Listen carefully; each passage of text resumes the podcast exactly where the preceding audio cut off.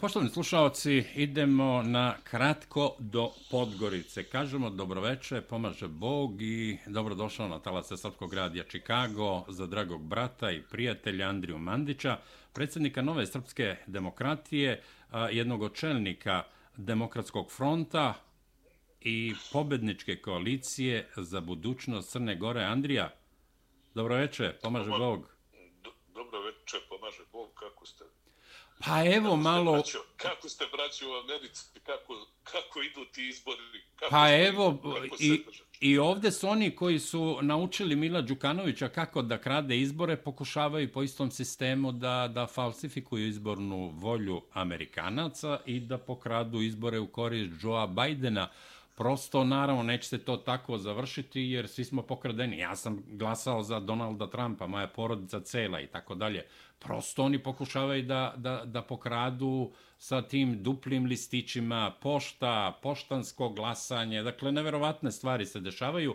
Pravi pobednik izbora je Donald Trump. Tu nema nikakve dileme, ali je situacija onako vrlo napregnuta i demokrate su očigledno spremne da urade sve, uključivši i nemire na ulicama, da bi dobili ove izbore koje su izgubili. Ali evo da, Andrija, dragi, nadajmo se da će to biti dobro u kolevci demokratije u Sjedinjenim američkim državama, iako ovo nema više veze ni sa kakvom demokratijom, ni sa, jer se već i javno vidi koliko su na sceni pokušaji krađe i prekrajanja izborne volje Amerikanaca i predsjedničkih izbora na kojima je pobedio Donald Trump. Ali evo, to je situacija u Sjedinjenim američkim državama. Šta se dešava to u Crnoj Gori? Mandatar Zdravko Kriokapić predstave danas kadrovska rešenja za izvršnu vlast. Vi ste najavili da ćemo brzo imati slobodne izbore. Šta je to? Zdravko Kriokapić je bio nosilac vaše izborne liste. O čemu se tu radi? Dakle, potpuno suluda priča da vi koji ste dobili izbore, vi koji ste nosili 20 i kusur godina, ste se borili protiv režima Mila Đukanovića, sad ste skrajnuti, a Dritana Bazović može da bude podpredsednik vlade i ministar odbrane. Dakle, neverovatne stvari. Izvolite. Pa prvo da vam kažem da Crna Gora i čitav region, pa mogu slobodno reći Evropa, posmatraju Ameriku i vjerujte da mnogo ljudi nije ovdje spavalo prateći rezultate u Sjedinim američkim državama, znajući da posljedice tih rezultata odrazit će se direktno na čitavu Evropu, a posebno na ovaj mali region kome mi živimo. Tako da i to što se dešava kod vas posebno se preliva i na nas i ljudi su se nekako izvještili da posmatraju šta se dešava u Sjedinim američkim državama i kada vidite da se tamo demokratija gdje je u suštini i u, onak, u ovom obliku kojem danas poznajemo od njegovana, da se ona primjenjuje na taj način, onda me ne iznenađuje ni ovo što se dešava kod nas. Dakle, mi smo imali izbore na kojima smo oborili režim Mila Đukanovića, pobjedila je opozicija i umjesto jednog jednostavnog demokratskog načela da svak dobije svoje saglasno broju glasova koje su nam dali građani, i na ta mjesta koje je dobio da svak postavi svoga kako bi imali odgovornosti, kako bi mogli realizovati izborne programe koje smo obećali građanima, došlo je do jedne demokratske devijacije da naš nosilac liste, gospodin Krivokapić, je nekako više držao do koalicijonih partnera nego do onih svojih saveznika koji su ga i postavili na čelnu poziciju na našoj listi. Ja sam gospodina Krivokapića, baš ja, postavio na prvo mjesto koalicije za budućnost Crne Gore, koju smo zajednički formirali od svih stranaka ili od većine stranaka koje su učinile nekadašnji blok za zajedničku državu Srbije i Crne Gore. Ja nisam slučajno postavio gospodina Krivokapića, on je meni bio nepoznat profesor, jedan od hiljade anonimnih profesora koliko ih ima na raznim fakultetima po Crnoj Gori, nego je on bio uh, meni preporuka od strane ljudi do kojih ja držim, od strane ljudi iz Srpske pravoslavne crkve, odnosno iz Mitropolije Crnogorsko-Primorske i mene sa Krivokapićem upoznao sveštenik Gojko Perović, pokušavajući da mi objasni da je to čovjek u koga crkva ima veliko povjerenje i da bi mi, ako želimo da imamo podršku Mitropolije Crnogorsko-Primorske, trebali njega da uvažimo tako što bi ga stavili na prvo mjesto. Ja nisam neko ko je e, e, bio željan toga da po svaku cijenu bude na prvom mjestu, a uzimajući obzir koliko nam je značajna bila podrška Mitropolije Crnogorsko-Primorske, e, prihvatio sam tu ponudu i dešavalo se sve tako kako se desilo. Mi smo isfinansirali čitavu tu kampanju. Ja sam bio predsjednik izbornog štaba. Krivokapić je odradio posao koji je bio planiran crkva nas je podržala potpuno otvoreno pokojni mitropolita Filohije, čak i nakon glasanja. Malo i nespretno, pošto on čovjek koji ne glasa pokazao i taj listić na kome se jasno vidjelo da je on zaokružio da je on zaokružio našu koaliciju. mislim, bilo je bilo je stanje tako kako je bilo i dobili smo vlast za koju smo računali da će biti uspostavljena po demokratskim principima. Međutim, odmah nakon izbora, odmah nakon izbora uh, pojavili su se ideje da se prihvati program izborni Drtan Abazovića o formiranju nekakve ekspertske vlade u kojoj ne bi učestvovali političari. U suštini radilo se o tome da srpski političari Crne Gore, koji su svih ovih prethodnih godina nosili borbu protiv Mila Đukanovića, ne mogu ući u vlast, a da svi drugi mogu. I mi smo vodili više razgovora, ja sam objasnio i Krivokapiću, kao i ljudima koji su mi ga preporučili iz Mitropolije Crnogorsko-Primorske, da to mi nismo dogovorili, da to nije bio ni naš politički dogovor, a da to nije su demokratski standard.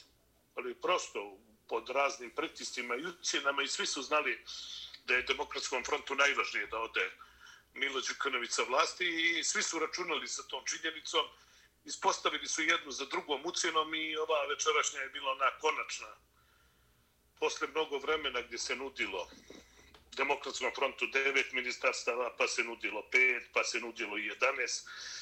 Dva mjeseca se e, maltretirao demokratski front sa raznim ponudama koje smo dobijali od strane čovjeka koji je bio mandatar, da bi prije neko večer bili obavješteni da on želi da ima samo ekspertsku vladu, gdje nema političara i večeras kada se dogovarala ta ekspertska vlada, ispostavilo se da Albanac Drita Nabazović može da bude ministar odbrane, njegov čovjek da može da bude ministar unutrašnjih poslova i da čitav represivni aparat ili službe bezbjednosti preuzimaju Albanci i ljudi uh, bliski Drita Nabazoviću, a da srpski političari, oni koji su etablirani i koji su iznijeli ovu borbu protiv Mila Đukanovića, ne mogu da uđe u vladu. Malo dosta i komična situacija kada se E, sagleda da prethodna dva mjeseca se pričalo o nekakvim grazivim srpskim političarima koji hoće da uzmu sve, a da neki drugi su pošteni, oni neće ništa. Evo, večeras ste sve razbistrili, ja sam se smijao i sa mojom porodicom, šalili smo se u okviru naše stranke da se pokazalo da mi koji smo osvojili 60% od parlamentarne većine nismo dobili ništa, a onaj koji je osvojio najmanje je dobio sve i neki anonimni ljudi koji ja, ja ne znam, vjerujte, kad mi je večeras mandatar Krivokapić rekao tim sa koji se opredijelio i o kojem treba da se izjasni uh, parlamentarna većina, ja nikoga tamo nisam znao. Poznao se samo jednog mladena Bojanića koji je bio u pozitivnoj Crnoj Gori kod Darka Pajovića. Taj Darko Pajović i ta njegova stranka, to je ona stranka koja nas je prodala 2015. godine kada smo već imali većinu u odnosu na Mila Đukanovića, ali je ta stranka prešla na stranu Mila Đukanovića i očuvala ga na vlast. Da, a... Gledao sam, nisam mogao da vjerujem, gledao sam, nisam mogao da vjerujem, a, zajedno sa mojim kolegama, ali mi, Srbi iz Crne Gore, naučili smo na svašta, pa ćemo i ovo izdržati, jer je mandatar Krivokapić rekao kako on traži priliku od 200 dana, da u tih 200 dana želi da izvrši neke važne reforme, i promjena i da je on spreman da se ide na nove izbore kako bi ta njegova vlada organizovala prve poštene i fair izbore, pošto ovi od 30. augusta nosili su sve one manjkavosti koje je znao i ranije da koristi režim Ila Đukanovića. Dakle, e, na zahtjev ovog e, Zdravka Krivokapića i na njegovu želju da ima vladu u kojoj nema srpskih političara, ali ima albanskih poput Rita Nabazovića i nekih nestranačkih ličnosti koje su nepoznate Crnoj Gori, e, mi smo dovedeni u situaciju da će se u nekom narednom periodu e, kada se izabere nova vlada Krivokapićeva pripremati neki novi izbori Eh, koji će se održati i gdje će se čuti glas naroda.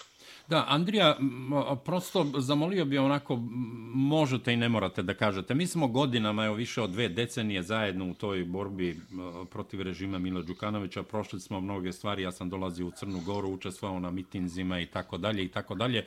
Prosto pojavio se ovaj Dritan Abazović, onako omale neki čovečulja koji ima ogromne apetite. Čovek koji je saopštavao i u regionu postao a, a, politička ličnost broj jedan po popularnosti, govorio o poštenju, o, o ne znam, njega ne zanimaju ministarske fotelje, funkcije i tako dalje. I onda danas hladno kaže, ja sam iznenađen da je mene mandatar predložio za potpredsjednika vlade i ministra odbrane.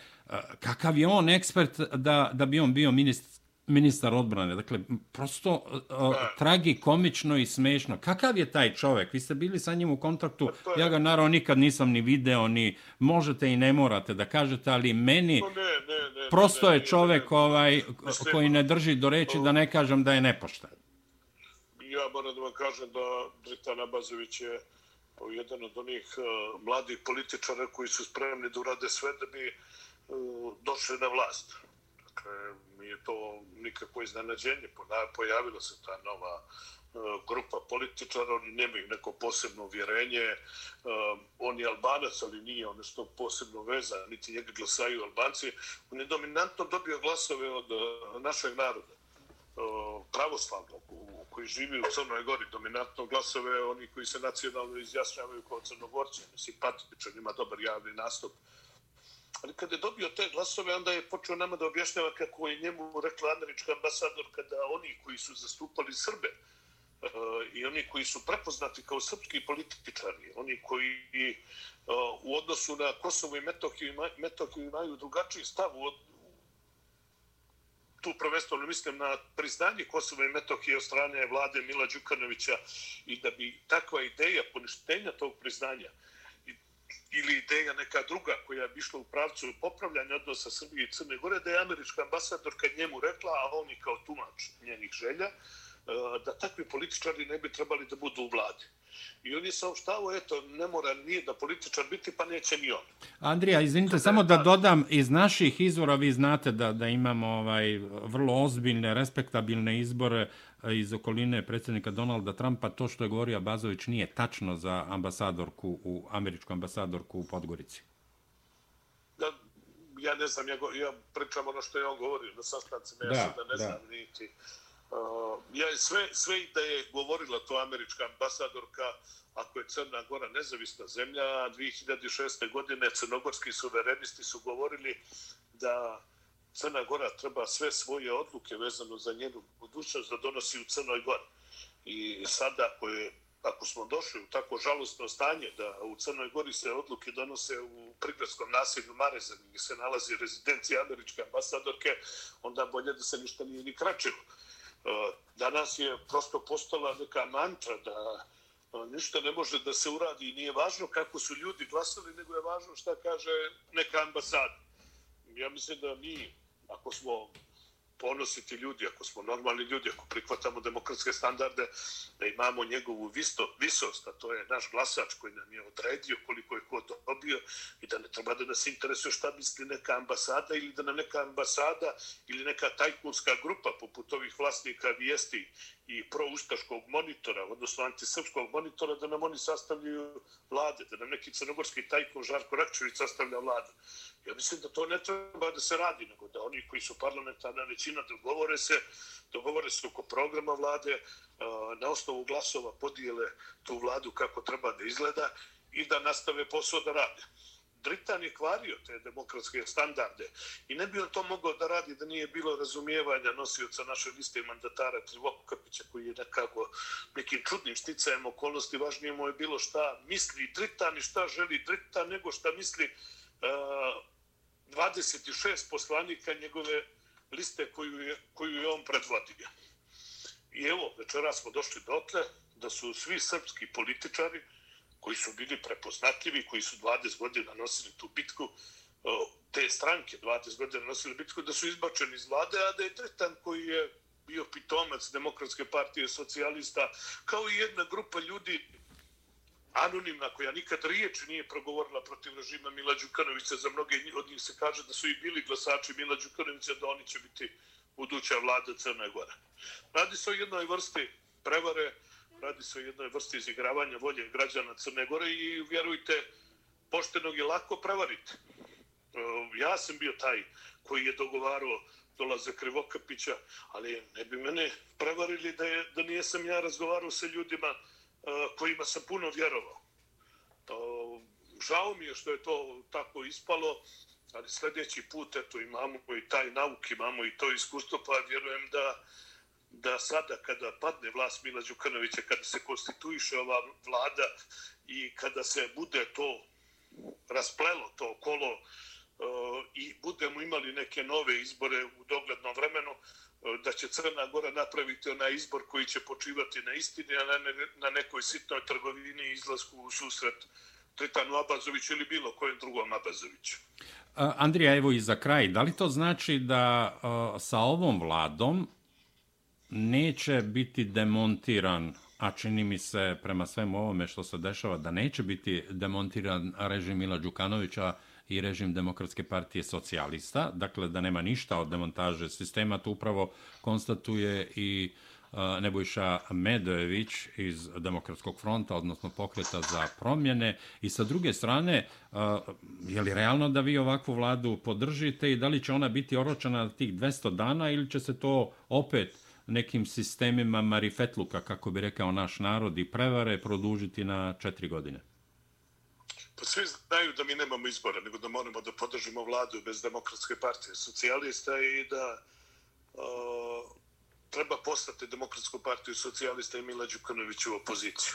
Međutim, mi smo računali da možemo da uradimo i više od toga, da možemo da dobijemo vladu koja će da realizuje sve ono što smo obećavali građanima Crne Gore i što je bio naš izborni program.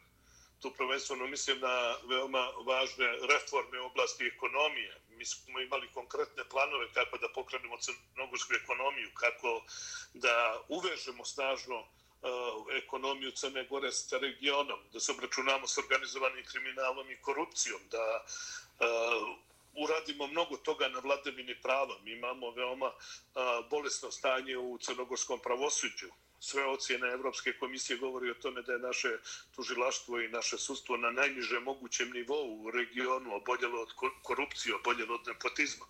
To su bili naši planovi šta da radimo i kuda da se krećemo i mi smo imali kao demokratski front, neko ko se najjače borio protiv Mila Đukanovića, imali smo spreman set zakona, imali smo uh, spremne ljude koji su trebali da preuzmu bezbjednostni sektor, koji su trebali da preuzmu ekonomiju ove zemlje danas tamo dolaze neki anonimni ljudi koji o, nemaju nikakvo iskustvo, koji ne znaju ništa o ovome, a na kraju nemaju nikakvu obavezu ni prema onima koji su glasali.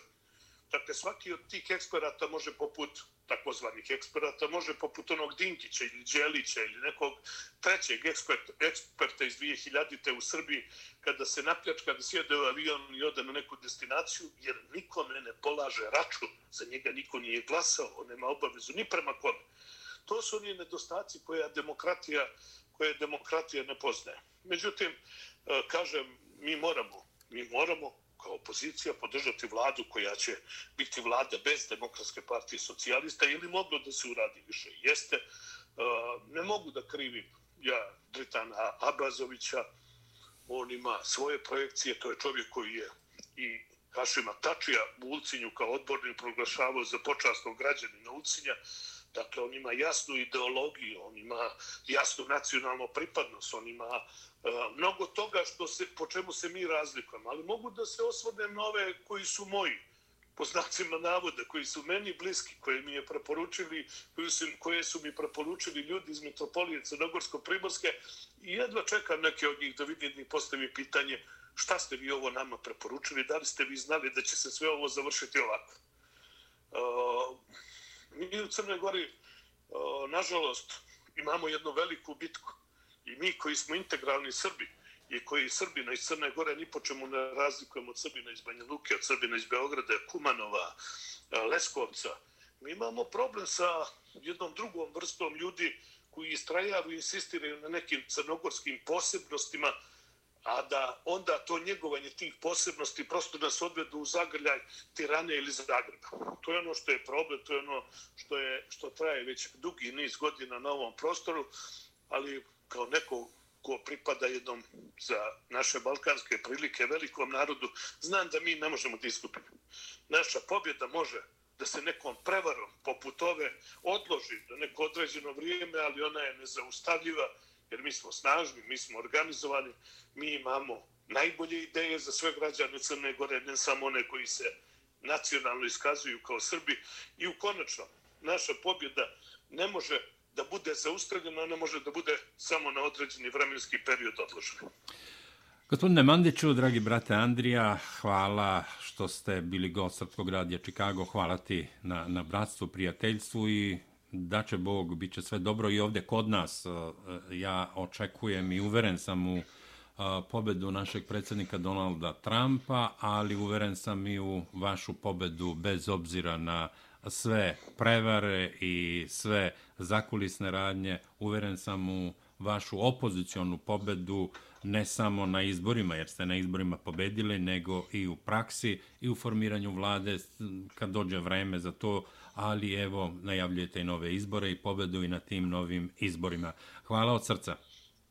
Hvala, brate Milorade, pozdravite sve naše zajedničke prijatelje. Mene je žao što naš narod koji se toliko rado u Čikagu i na drugim destinacijama u Americi koje smo obradovali pobjedom, da ih moram sa ovakvim vijestima da ih opterećujem, Nemojte da ne bih želio da se niko nervira. Prosto to su očigledno neke dječije bolesti koje moramo svi da odbolujemo, ali potpuna solidarnost svih Srba i Crne Gore sa vama u ovoj velikoj bitni bitci koju vi vodite u Sjedinim američkim državama i ja mislim da od tog rezultata u mnogome će zavisiti i naša budućnost. A hvala, lako noć i prijatno. Prijatno.